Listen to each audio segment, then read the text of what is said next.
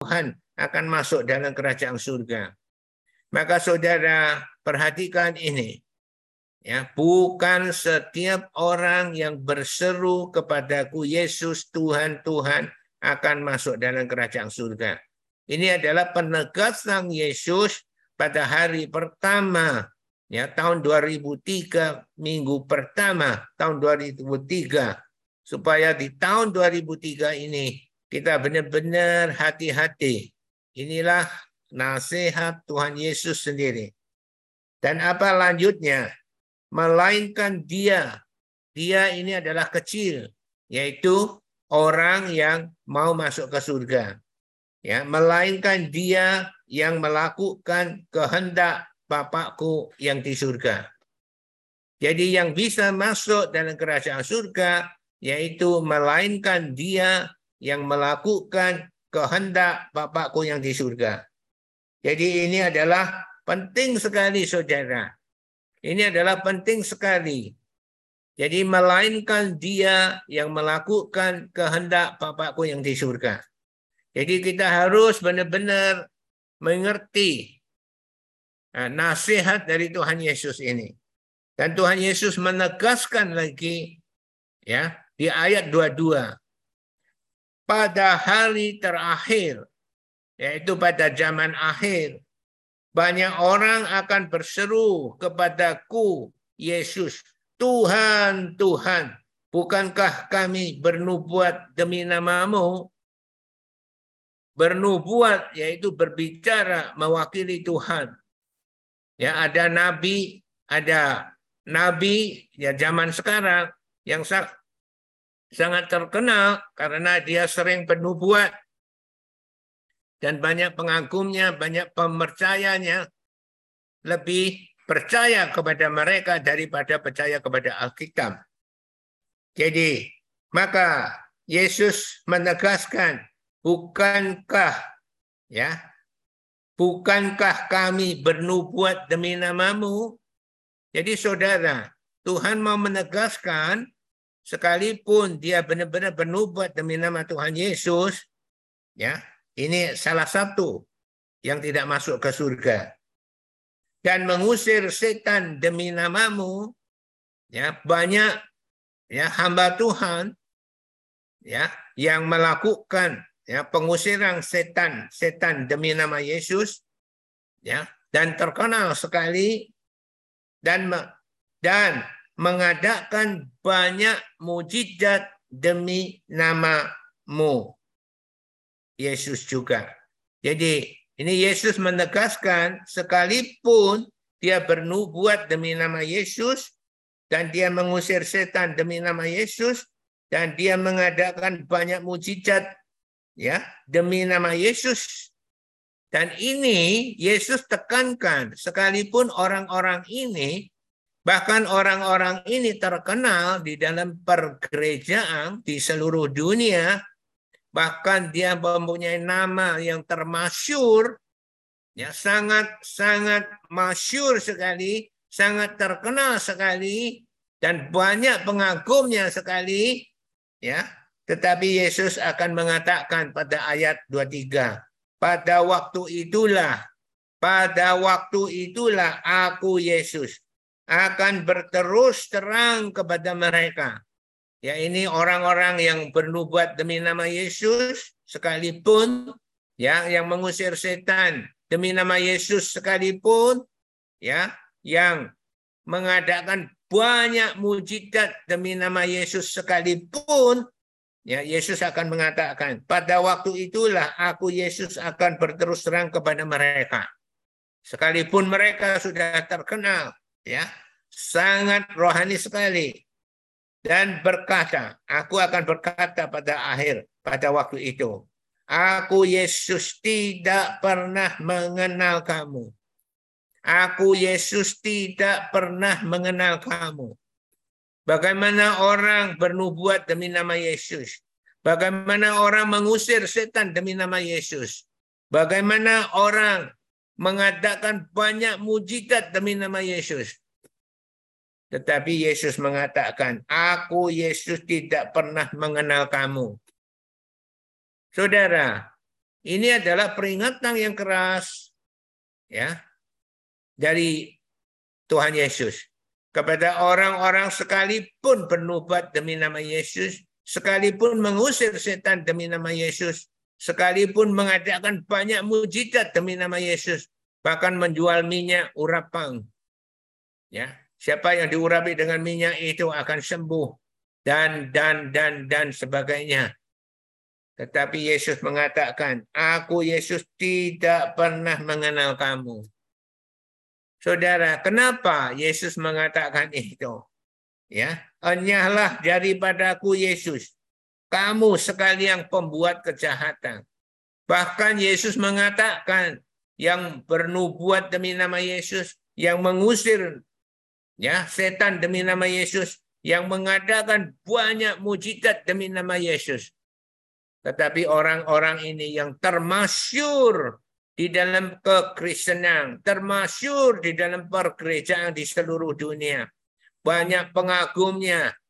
Ya. Tetapi Yesus mengatakan, aku tidak pernah mengenal kamu. Karena yang Yesus kenal adalah melainkan dia yang melakukan kehendak Bapakku yang di surga. Jadi saudara, Ketika kita melakukan kehendak Bapa di surga, ya kita mungkin bernubuat demi nama Yesus. Kita mungkin mengusir setan demi nama Yesus.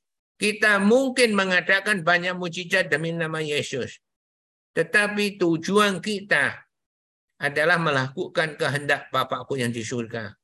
Bukan kehendak diri sendiri supaya diri sendiri terkenal di dunia kekristenan di dunia pergerejaan. Saudara, ini adalah peringatan yang keras, saudara. Jadi, bukan setiap orang. Saudara perhatikan, setiap orang. Orang yang percaya atau orang yang tidak percaya, itu termasuk setiap orang. Bukan setiap orang percaya, tetapi bukan setiap orang yang berseru kepadaku, Yesus Tuhan, Tuhan akan masuk dalam kerajaan surga. Saudara, ini adalah peringatan yang keras. Jika dia adalah seorang hamba Tuhan, harusnya kalau dia mengaku sebagai hamba Tuhan, dia harus perhatikan ini. Bahwa sebagai hamba Tuhan harusnya seperti apa. Melainkan dia yang melakukan kehendak Bapakku yang di surga. Jadi ayat 21 sampai 23 ini ini adalah firman yang Yesus katakan itu. Maka saudara, ini adalah sangat penting sekali. Maka kita periksa jika kita tidak bernubuat demi nama Yesus, jika kita tidak pernah mengusir setan demi nama Yesus, jika kita tidak pernah mengadakan banyak mujizat demi nama Yesus, Berarti kita orang percaya biasa-biasa saja. Setiap minggu kita datang ibadah dengan tekun. Dari minggu ke minggu, minggu ke minggu, bulan ke bulan. ya Dan tahun ke tahun sampai puluhan tahun dengan setia. Tetapi Tuhan menakkan. Melainkan dia yang melakukan kehendak Bapakku yang di surga. Maka jika saudara ingin masuk ke dalam kerajaan surga, saudara harus mengerti apa yang dimaksud kehendak Bapak yang di surga. Jadi kita harus mengerti apakah kehendak Bapak yang di surga. Karena syaratnya masuk ke surga adalah melainkan dia yang melakukan kehendak Bapakku yang di surga. Mari kita lihat Ya, kehendak Bapa di surga di dalam Yohanes pasal 3 ayat 16. Yohanes pasal 3 ayat 16. Betapa besar kasih Allah akan dunia ini sehingga dia karuniakan telah karuniakan anaknya yang tunggal supaya setiap orang yang percaya kepadanya tidak binasa melainkan beroleh hidup yang kekal. Ini adalah kehendak Bapak di surga, saudara. Adakah amin?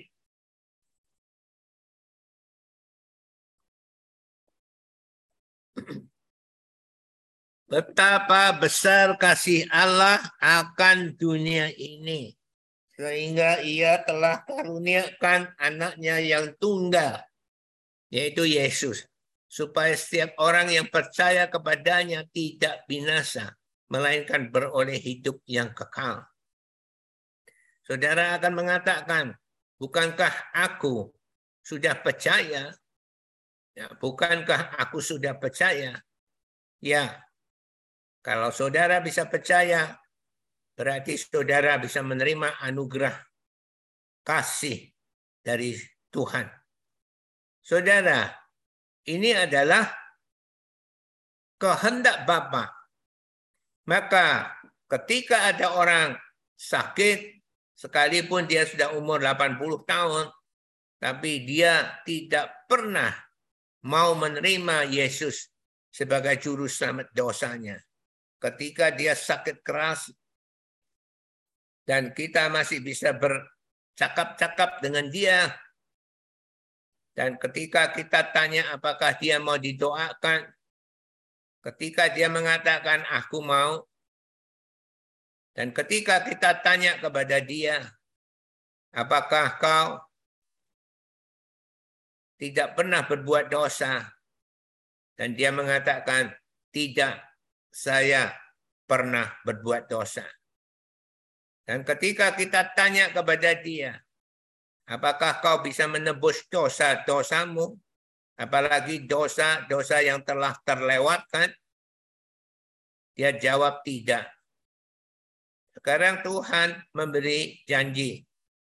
Betapa besar kasih Allah akan dunia ini.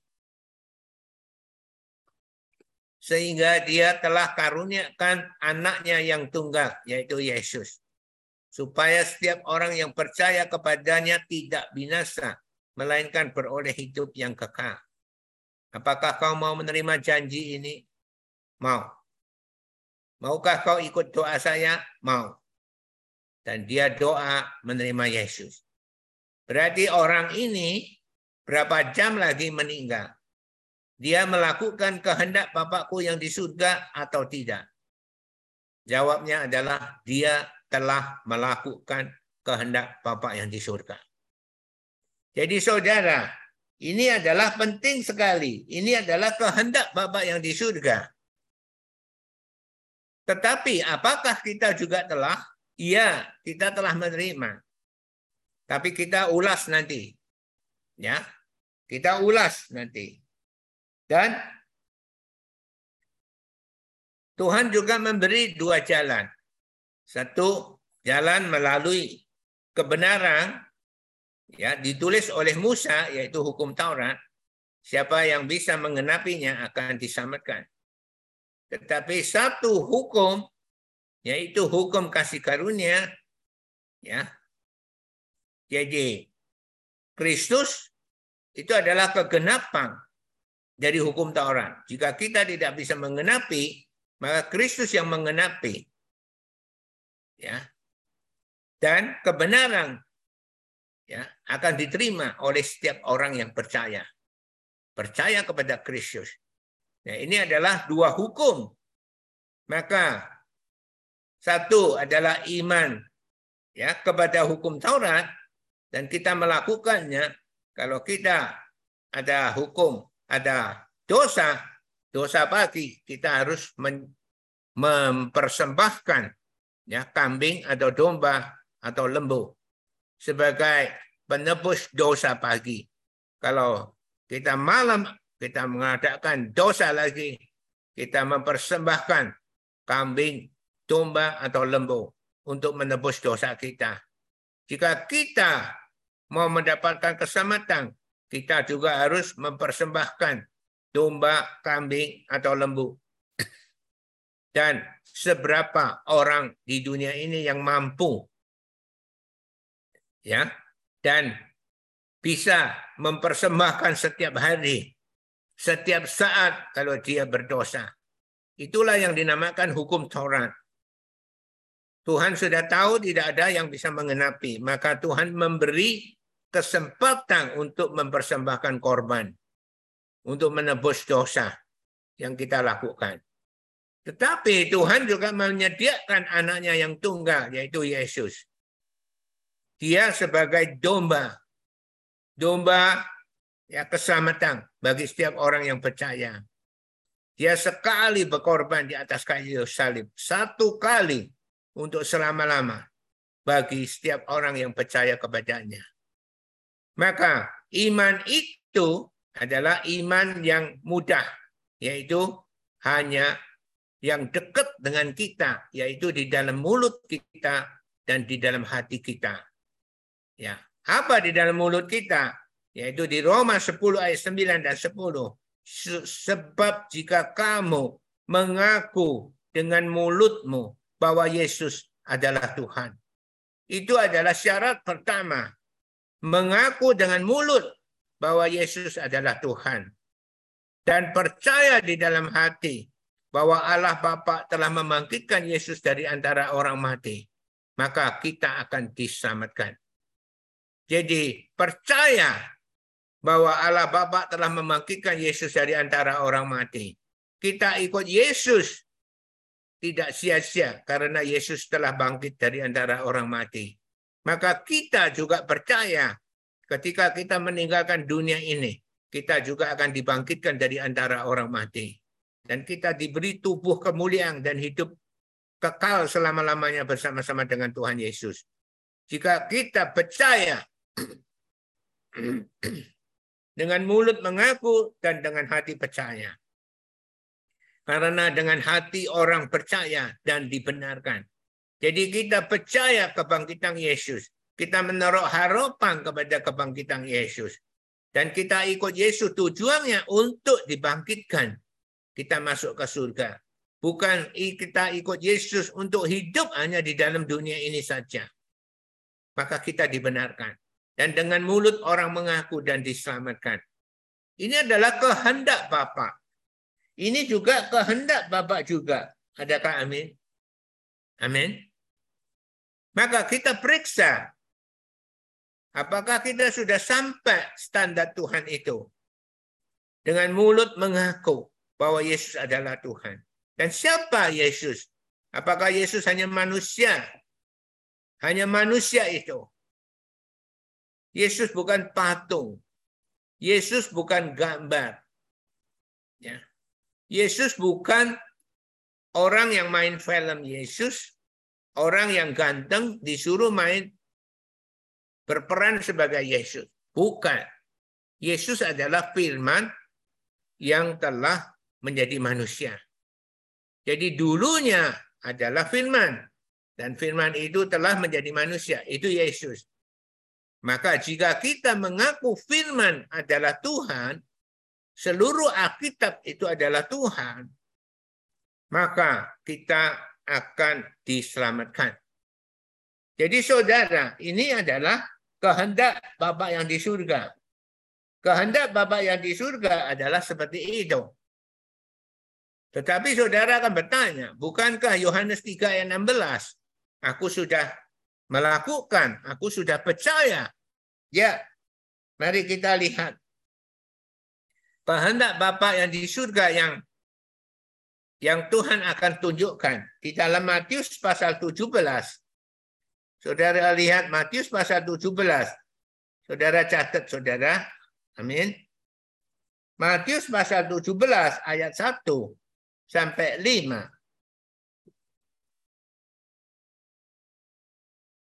Saudara bukan mendengarkan khotbah, tetapi saudara diajar tentang teologi. Theo ada Tuhan, adalah Tuhan. Logi adalah ilmu, ilmu ketuhanan. Jika saudara mau sungguh-sungguh masuk surga, saudara harus bersyukur. Bukan saudara diberi khotbah yang mengenakan telinga saudara. Tetapi saudara diberi satu pengertian tentang ketuhanan. Kita lihat di Matius 17 ayat 1 sampai 5. Ayat 1, enam hari kemudian Yesus membawa Petrus, Yakobus dan Yohanes yaitu murid yang disayang, Petrus, Yakobus, dan Yohanes. Walaupun Yesus punya 12 murid, tetapi yang dibawa selalu tiga. Ya, Petrus, Yakobus, dan Yohanes. Yakobus yang sudah mati, bukan Yakobus di dalam Alkitab ada kitab Yakobus itu saudara tiri ya dari Yesus. Tetapi Yakobus ini adalah murid Yesus, rasul Yesus tetapi dia yang telah dibunuh. Ya, membawa Petrus, Yakobus dan Yohanes. Yohanes bukan Yohanes Pembaptis, ini Yohanes murid Yesus yang rupanya seperti Yesus.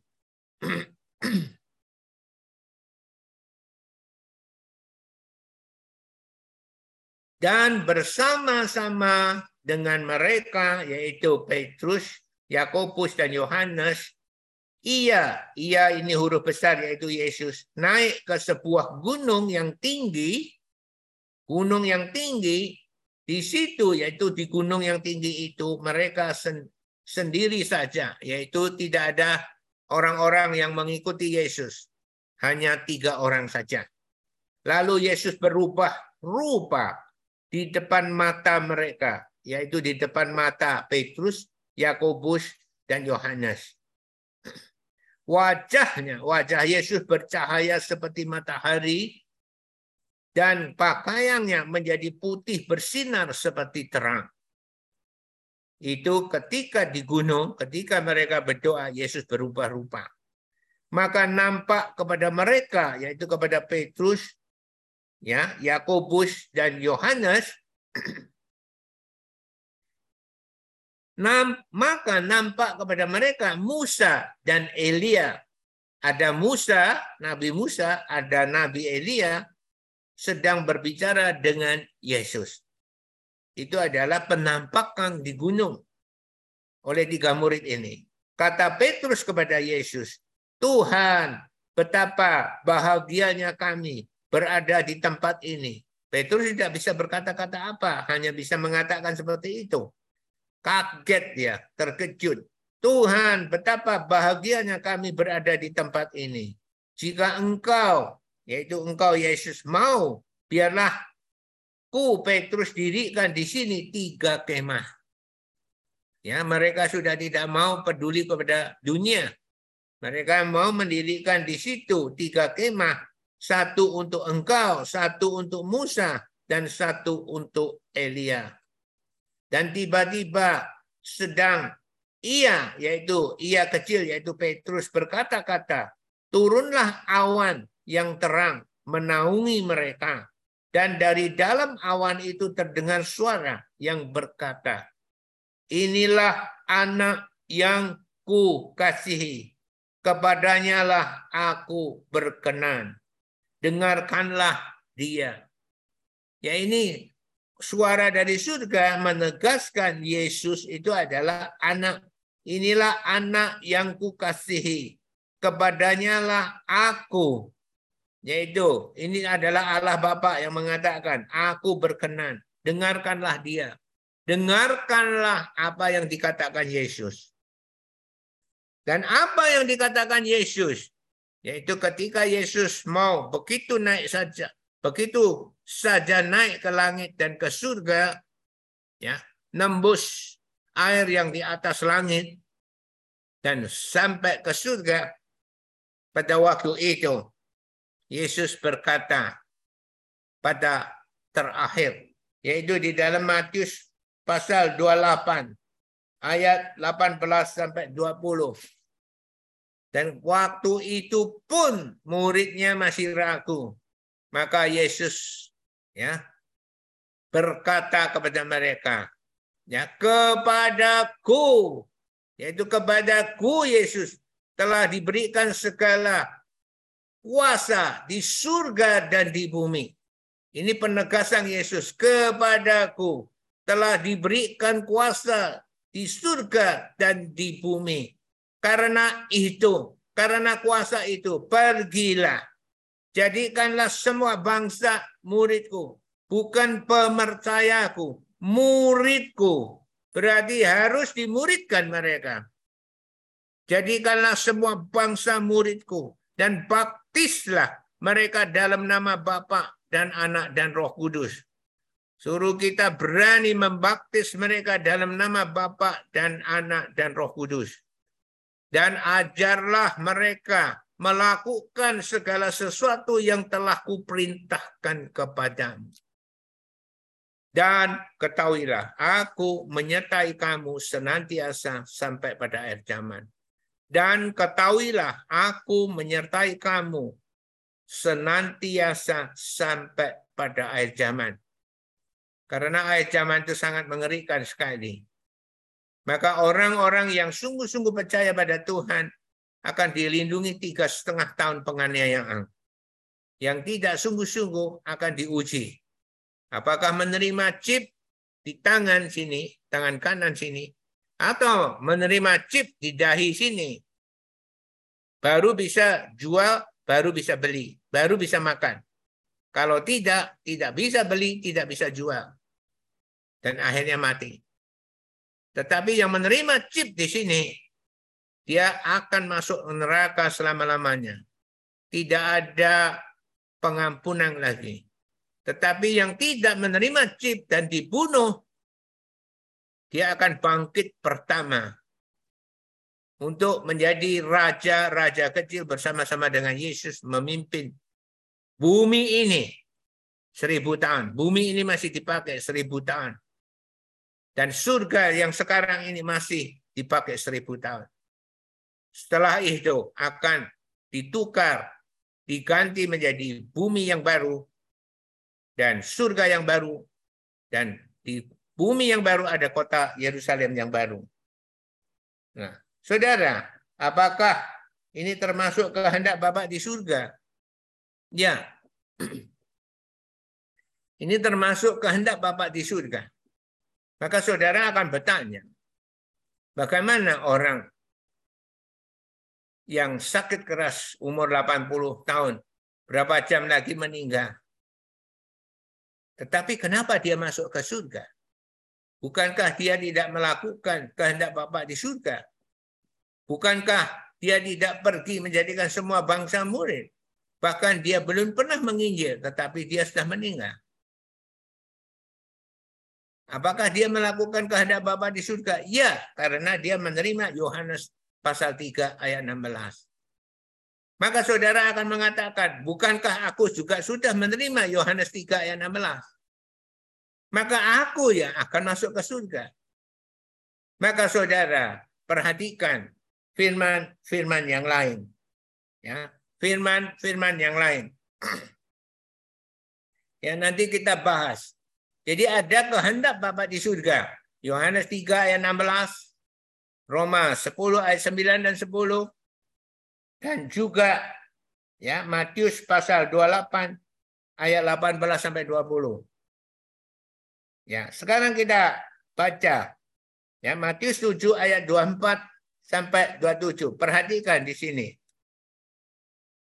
Matius 7 ayat 24 sampai 27. Saudara jangan mengatakan aku pernah mendengar.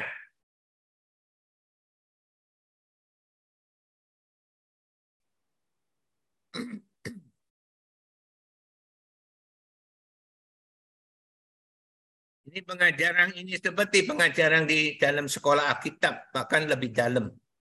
Jadi saudara, kalau saudara tidak bosan, saudara bisa dipakai oleh Tuhan. Kalau saudara bosan, saudara akan meninggalkan, tidak mendengarkan lagi. Karena pada dasarnya yang meninggalkan itu adalah orang-orang yang mau hidup di dalam dunia ini saja. Jadi tidak sungguh-sungguh mau ke surga. Jika sungguh-sungguh mau ke surga, saudara perhatikan. Ya, sekarang ini. Matius 7 ayat 24 sampai 27 di situ Tuhan menjelaskan setiap orang yang mendengar perkataanku ini, sekarang perhatikan apa yang dikatakan Yesus. Setiap orang yang mendengar perkataanku ini, ini Apa arti ini? Ini adalah menegaskan ketika Yesus telah berkata di Matius 7 ayat 21 sampai 23. Itu yang dimaksud ini. Setiap orang yang mendengar perkataanku ini, yaitu Matius 7 ayat 21 sampai 23, ya bukan setiap orang yang berseru kepadaku Tuhan, Tuhan akan masuk dalam kerajaan surga. Melainkan dia yang melakukan kehendak Bapakku yang di surga. Ya ini yang dimaksud sama Yesus. Bahkan Yesus menegaskan ya pada hari terakhir banyak orang berseru kepadaku Tuhan, Tuhan, Tuhan, bukankah ya, bukankah kami bernubuat demi namamu dan mengusir setan demi namamu dan mengadakan banyak mujizat demi namamu? Karena mereka tidak diterima di surga. Nah, pada waktu itu, aku Yesus akan berterus terang kepada mereka. Aku Yesus tidak pernah mengenal kamu. Syok nah. Orang yang bernubuat demi nama Yesus. Orang yang mengusir setan demi nama Yesus. Orang yang mengadakan banyak mujizat demi nama Yesus. Bahkan menjual minyak urapan. Saudara, Yesus bilang, aku tidak pernah mengenal kamu.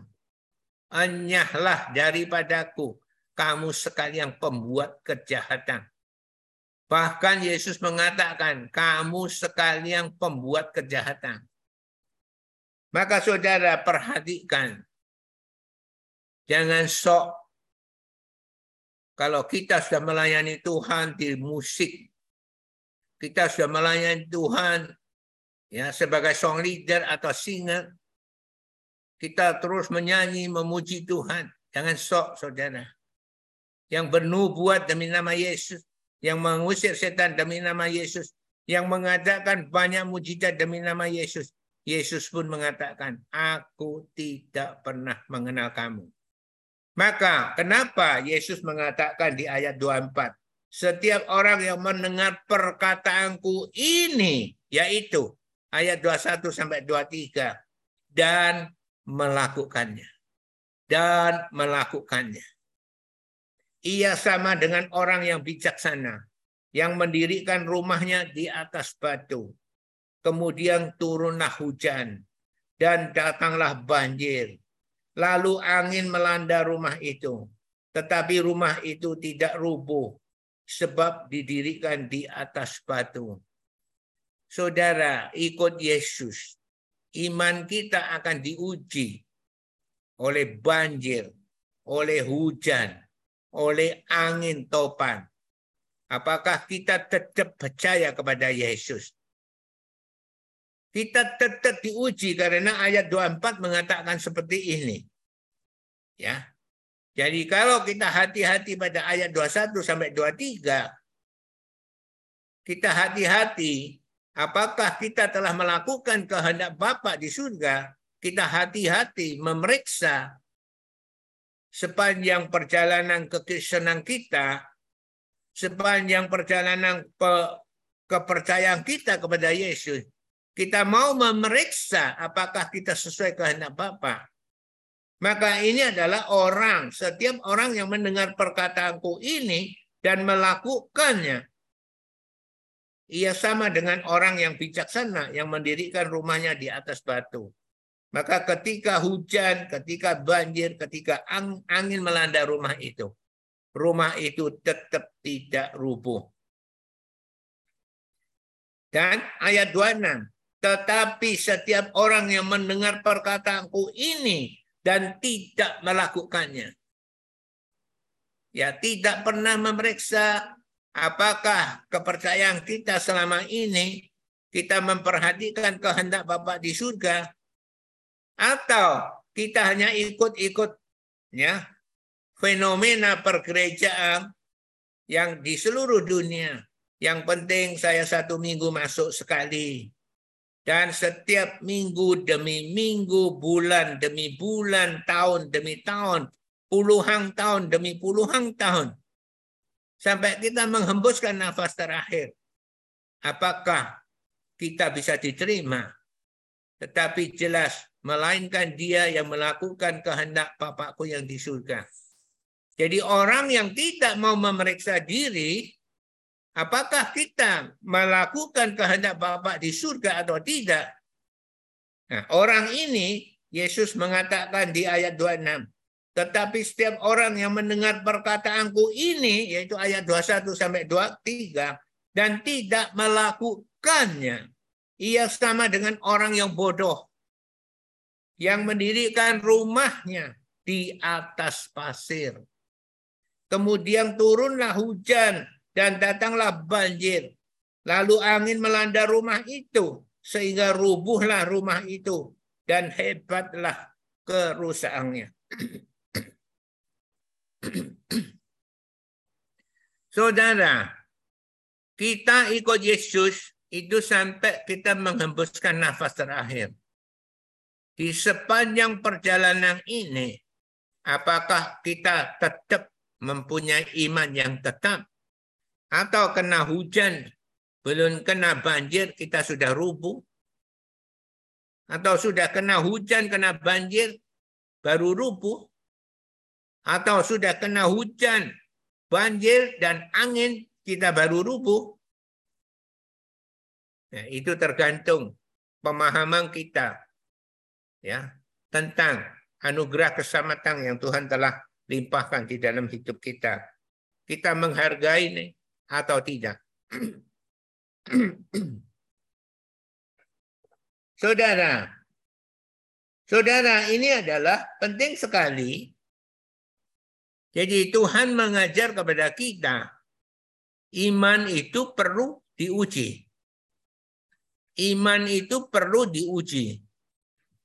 Maka ketika ya ada peristiwa penting pada waktu itu, apakah kita masih percaya Yesus atau tidak?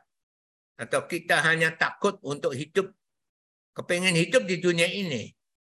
Dan kita menyangka Yesus, itu bisa terjadi. Kalau iman kita tidak cukup kuat. Maka saudara, ini adalah Tuhan di dalam hari pertama tanggal 1 2023 ya bulan Januari atau di minggu pertama di tahun 2023 Tuhan mengingatkan kita ya supaya kita memilih mendengar perkataan Yesus dan melakukannya, atau mendengar perkataan Yesus dan tidak melakukannya. Dan hasilnya akan beda. Maka jangan menganggap jika kita setiap minggu kita datang ibadah, itu menyamin kita masuk ke surga. Itu adalah pandangan yang salah, saudara. Itu adalah pandangan yang salah. Maka di dalam khotbah pengarahan kemarin, kita dikotbahkan 1 Petrus 2 ayat 2. Perhatikan 1 Petrus 2 ayat 2.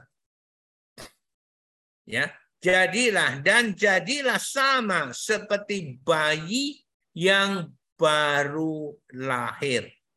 Yang selalu haus akan air susu yang murni dan yang rohani. Kalau saudara mendapatkan bayi yang seperti ini, yang selalu haus akan air susu yang murni dan yang rohani. Saudara akan melihat ini bayi sehat. Adakah amin?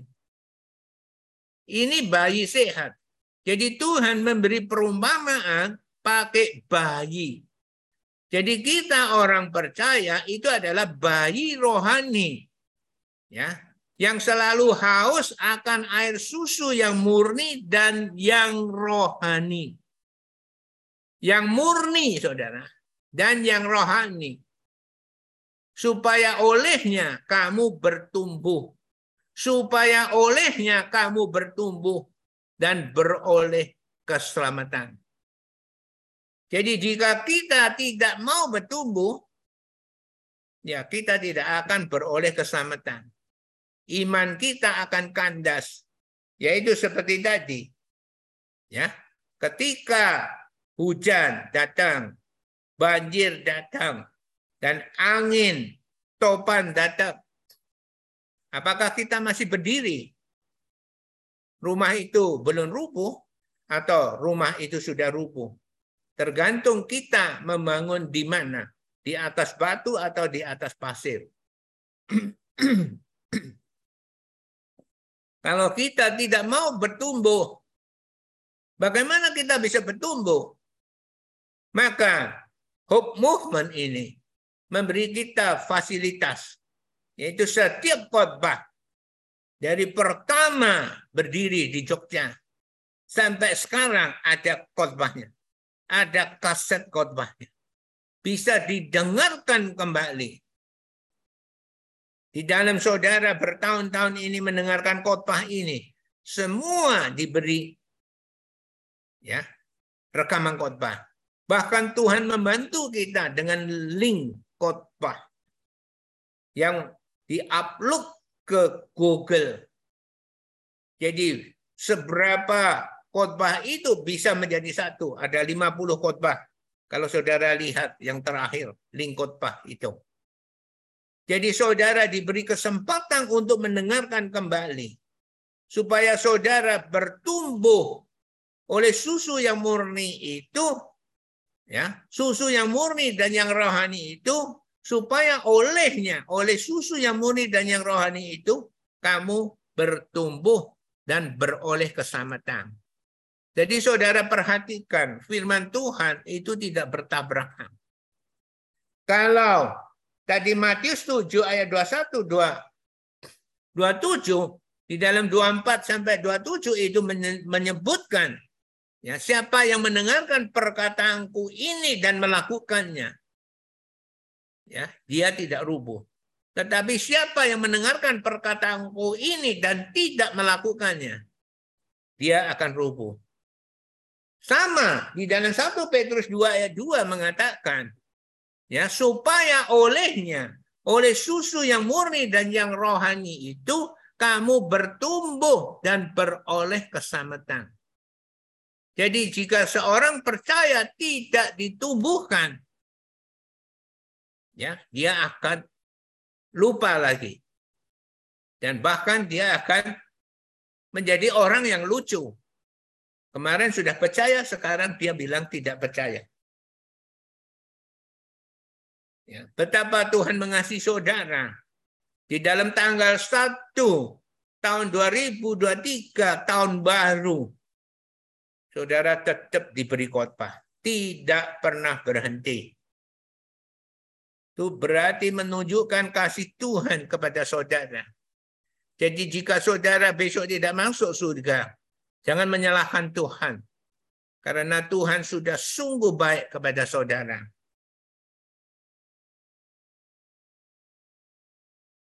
Maka saudara perhatikan, maka semua janji Tuhan itu selalu ada syaratnya. Ada syaratnya. Ini yang selalu diabaikan oleh banyak orang percaya. Syaratnya apa? Di Yohanes 3 ayat 16. Supaya setiap orang yang percaya kepadanya tidak binasa. Supaya mereka yang percaya kepadanya, kepada Yesus, tidak binasa. Ini syaratnya. Di dalam Roma 10 ayat 9 dan 10. Sebab jika kamu mengaku dengan mulutmu. Ini syarat. Sebab jika kamu dengan mulut mengaku. Yesus adalah Tuhan. Ini syarat. Dan percaya di dalam hatimu bahwa Allah Bapa telah membangkitkan Yesus dari antara orang mati. Ini syarat, saudara. Jadi setiap firman Tuhan itu ada syaratnya. Ya. Dan kita lihat ya di dalam di dalam ayat 24 sampai 27 tadi ya Barang siapa mendengarkan perkataanku ini dan melakukannya. Ini syarat. Barang siapa mendengarkan perkataanku ini dan tidak melakukannya. Ini syarat. Ya, saudara. Dan di dalam Matius 28 ayat 18 sampai 20. Dan ketahuilah, aku menyertai kamu senantiasa sampai pada akhir zaman. Jika kita pergi menjadikan semua bangsa murid. jika kita membaptis mereka dalam nama Bapa dan Anak dan Roh Kudus. Dan jika kita mengajarkan segala sesuatu yang telah diperintahkan Yesus kepadanya. Ini syarat. Dan ketahuilah, aku menyertai kamu senantiasa sampai pada akhir zaman. Ini adalah firman Tuhan. Janji Tuhan itu selalu ada syaratnya. Ini yang selalu diabaikan oleh banyak orang-orang percaya. Yang penting aku masuk surga. Yang penting aku sudah ibadah di surga. Maka ketika Natalan tidak ada yang mendengar sum khotbah. Mereka sangat-sangat bersemangat untuk ibadah offline. ya, amin. Tetapi syaratnya apa? Kalau orang bijak melihat malapetaka, bersembunyilah ia. Tetapi orang tak berpengalaman, berjalan terus lalu kena celaka. Jadi kita menuruti daging kita atau kita menuruti firman Tuhan. Maka saudara, ini adalah penting sekali. Ya. Jadi perhatikan, jangan mengatakan Oh, aku sudah percaya Yohanes 3 ayat 16. Tetapi di 1 Petrus 2 ayat 2, supaya olehnya, oleh air susu yang murni dan yang rohani, kamu bertumbuh dan beroleh keselamatan. Itu yang Tuhan harapkan. Kamu bertumbuh dan beroleh keselamatan. Tetapi manusia tetap Ya, apalagi fenomena pergerejaan. Ya, saudara, bangun gereja itu tujuannya apa?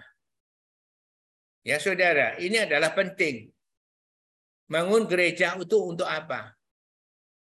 Saudara harus tanya pada hamba Tuhan itu. Pada pendeta itu. Kenapa kau mendirikan gereja?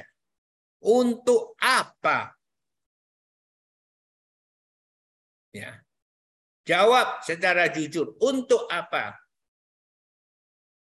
Ya, saudara. Ini adalah penting. Ya, bangun gereja itu untuk apa? Untuk tenar?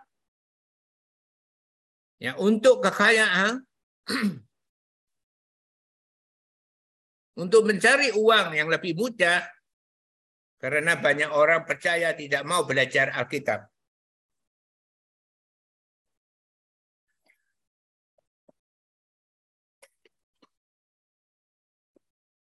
Maka setiap orang beda. Ya. Jadi ikut Tuhan itu beda, mempunyai pendapat sendiri. Maka Tuhan juga memberi di Amsal 16 ayat 2. Segala jalan orang adalah bersih menurut pandangannya sendiri. Ya, setiap orang punya pandangannya sendiri. Aku ikut Yesus Aku punya pandangan sendiri. Kalau aku seperti ini, aku sudah baik. Kalau aku seperti ini, aku sudah cukup. Saudara, ini benar. Karena setiap orang seperti ini. Ya. Segala jalan orang adalah bersih menurut pandangannya sendiri. Ini adalah firman Tuhan. Tetapi Tuhanlah yang menguji hati. Jadi saudara jangan lupa, tet tetapi Tuhanlah yang menguji hati. Jadi seperti tadi, kita bisa mendengarkan firman Tuhan pasal 1, 7 ayat 21, 23, dan melakukannya. Kita mencari melakukan kehendak Bapak di surga. Kita bisa seperti itu. Kita juga bisa tidak mendengarkannya dan tidak melakukannya. Tapi hasilnya beda. Yang satu kena hujan, sudah runtuh, kena hujan, banjir, runtuh, kena hujan, banjir, dan angin, baru runtuh. Tapi ada yang kena hujan, banjir, angin topan, tetap tidak rubuh. Maka saudara, ini adalah penting, tetapi Tuhanlah yang menguji hati. Jadi ini adalah penting. Kalau kita pernah salah, mungkin kita salah karena fenomena ya suasana pergerejaan di Indonesia semua adalah ibadah offline. Di luar negeri pun offline. Kalau enggak mereka akan kehilangan. Kehilangan jemaat. Ya. Tubuh ini juga kehilangan kan? Semua sudah tidak tahan tiga tahun. Biasanya tetap ibadah online. Ya, nggak urusan. Pokoknya aku offline. Segala jalan orang adalah bersih menurut pandangan sendiri. Itu karena fenomena. Karena ya suasana pergerejaan di Indonesia seperti itu. Ini adalah tren pergerejaan. Siapa biar melawan. Ya. Maka segala jalan orang adalah bersih menurut pandangannya sendiri. Oh, itu semua seperti itu saya seperti itu aku yang nggak salah. Tetapi ingat, tetapi Tuhanlah yang menguji hati. Tadi kita bisa bertahan kena hujan, banjir, dan topan, atau baru hujan aja kita sudah rubuh, atau hujan dan banjir kita rubuh, atau setelah hujan, banjir, dan angin topan kita baru rubuh, itu tergantung kita. Saudara, inilah Tuhan mau mengajar kepada kita. Dan dengan judul khotbah hari ini adalah ayat 21. Bukan setiap orang yang berseru kepadaku, Tuhan, Tuhan, akan masuk ke dalam kerajaan surga. Melainkan dia yang melakukan kehendak Bapakku yang di surga. Itu yang masuk ke dalam kerajaan surga. Maka saudara, jangan menuntut diri kita tidak tumbuh. Kita menghendaki seperti orang yang sakit, umur 80 tahun yang sakit, kurang berapa jam meninggal. Dan ada orang ya karena Tuhan mengasihi dan menginjil dan membuat orang itu menerima Yesus dan berapa jam lagi dia meninggal. Dia melakukan kehendak Bapak di surga karena dia mau nerima janji Tuhan. Tapi kita tidak bisa memaksakan kita yang telah diajar terus bertahun-tahun sampai puluhan tahun. Kita ingin seperti itu. Bukankah aku sudah menerima Yohanes 3 ayat 16? Berarti aku sudah selamat. Apa yang kurang? Tapi Yesus mengatakan, Ya, barang siapa mendengarkan perkataanku ini dan melakukannya, dia tahan hujan, tahan banjir, dan tahan angin. Tetapi yang tidak mendengarkan dan tidak melakukan, dia tidak tahan hujan, tidak tahan banjir, dan tidak tahan angin. Ini Yesus menasihati kita di dalam hari pertama tahun 2023 bahkan minggu pertama tahun 2023. Ya, Tuhan masih bisa memberi kita penjelasan lebih dalam dan saudara akan sadar, oh ya, Tuhanlah yang menguji hati. Jadi hati-hati ini yang penting. Tetapi Amsal 28 ayat 26 juga mengatakan, siapa percaya pada hatinya sendiri adalah orang bebal. Apa yang dinamakan bebal? Yaitu sudah tahu salah, tetap dipertahankan. Siapa yang percaya pada hatinya sendiri adalah orang bebal. Sudah tahu itu salah, tetap ditahan, dipertahankan. Tuhan sudah mengatakan ampuni musuhmu, kasihilah musuhmu, dan berdoalah bagi orang yang menganiaya kamu. Itu sama musuh pun kita mengampuni.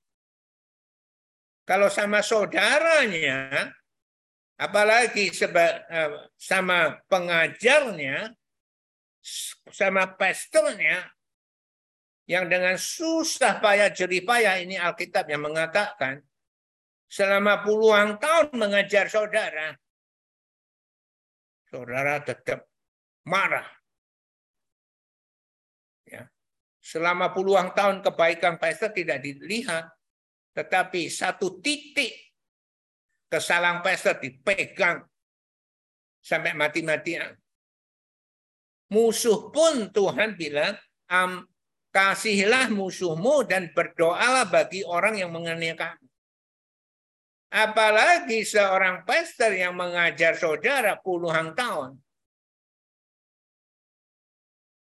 Nah, ini namanya beban. Siapa yang percaya pada hatinya sendiri adalah orang beban. Tidak tahu. Pokoknya aku plong. Aku harus marah. Aku harus tetap marah. Ini namanya orang beban. Tetapi siapa berlaku dengan bijak akan selamat. Jadi kalau saudara sudah percaya pada hatinya sendiri, sekalipun itu salah, tetap dipertahankan. Ya. Aku tetap dendam. Aku tetap marah. Ya, saudara akan kena kanker. Pada satu saat saudara heran, kenapa kamu sudah dapat kanker? Ya, saudara, ini adalah penting sekali. Jangan bebal, jangan percaya pada hatinya sendiri. Ya, janganlah keraskan hati kita. Janganlah keraskan hati kita. Jika kita sungguh-sungguh mau masuk ke surga. Jika kita sungguh-sungguh mau masuk surga, janganlah keraskan hati kita.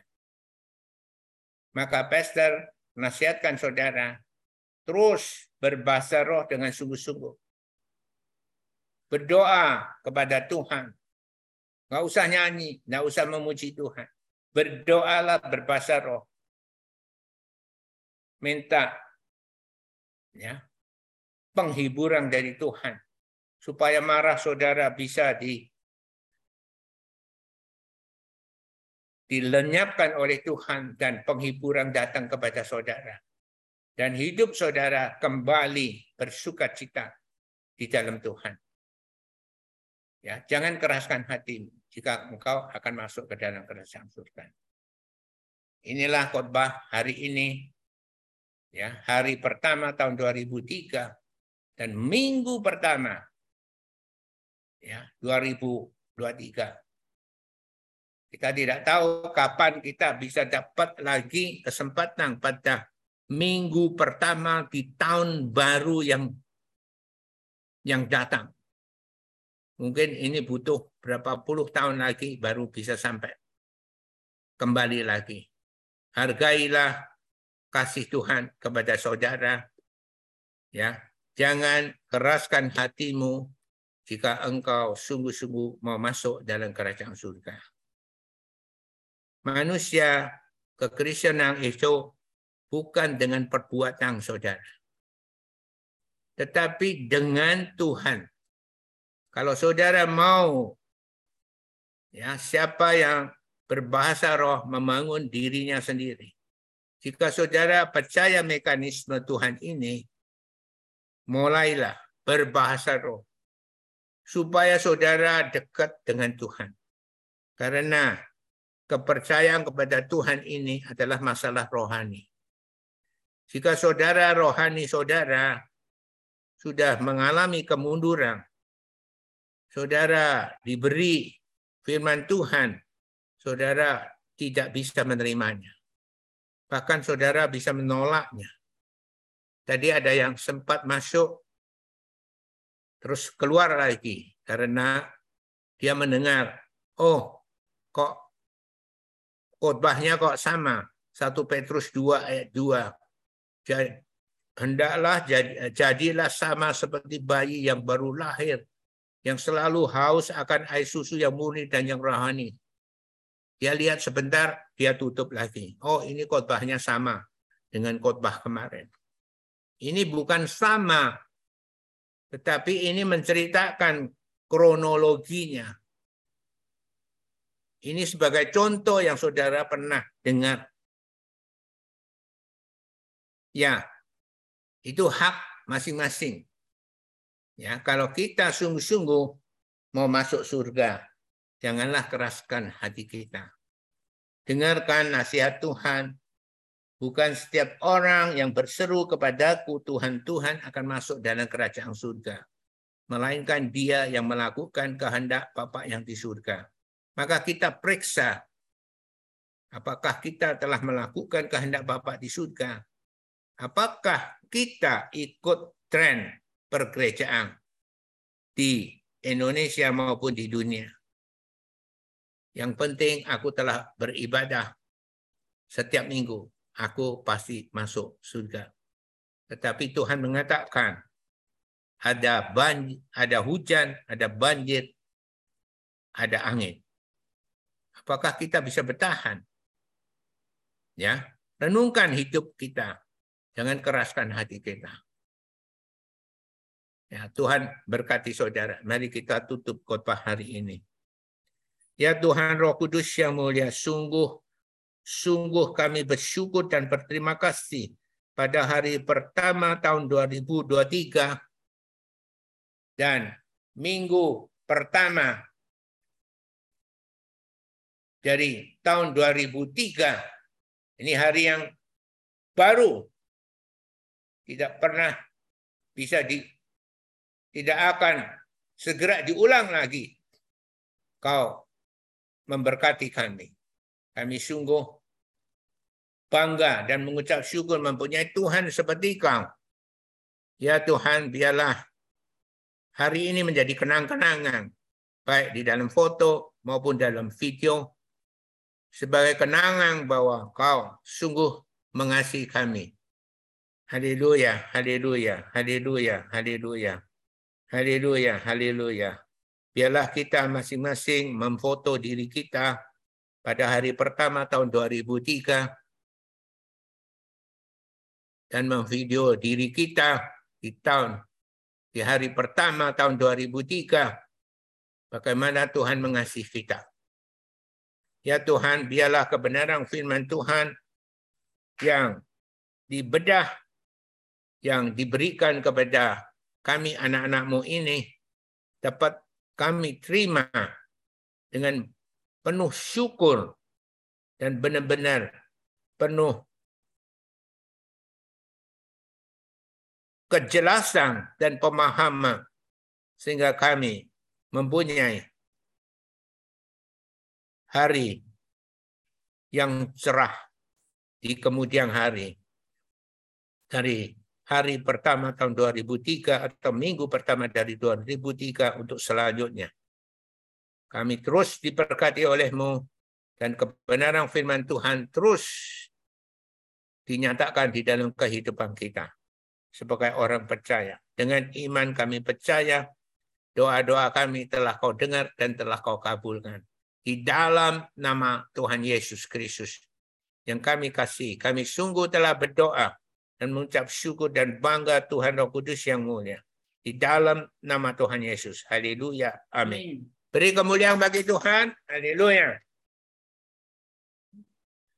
Haleluya. Haleluya. Ya Marni ada pertanyaan?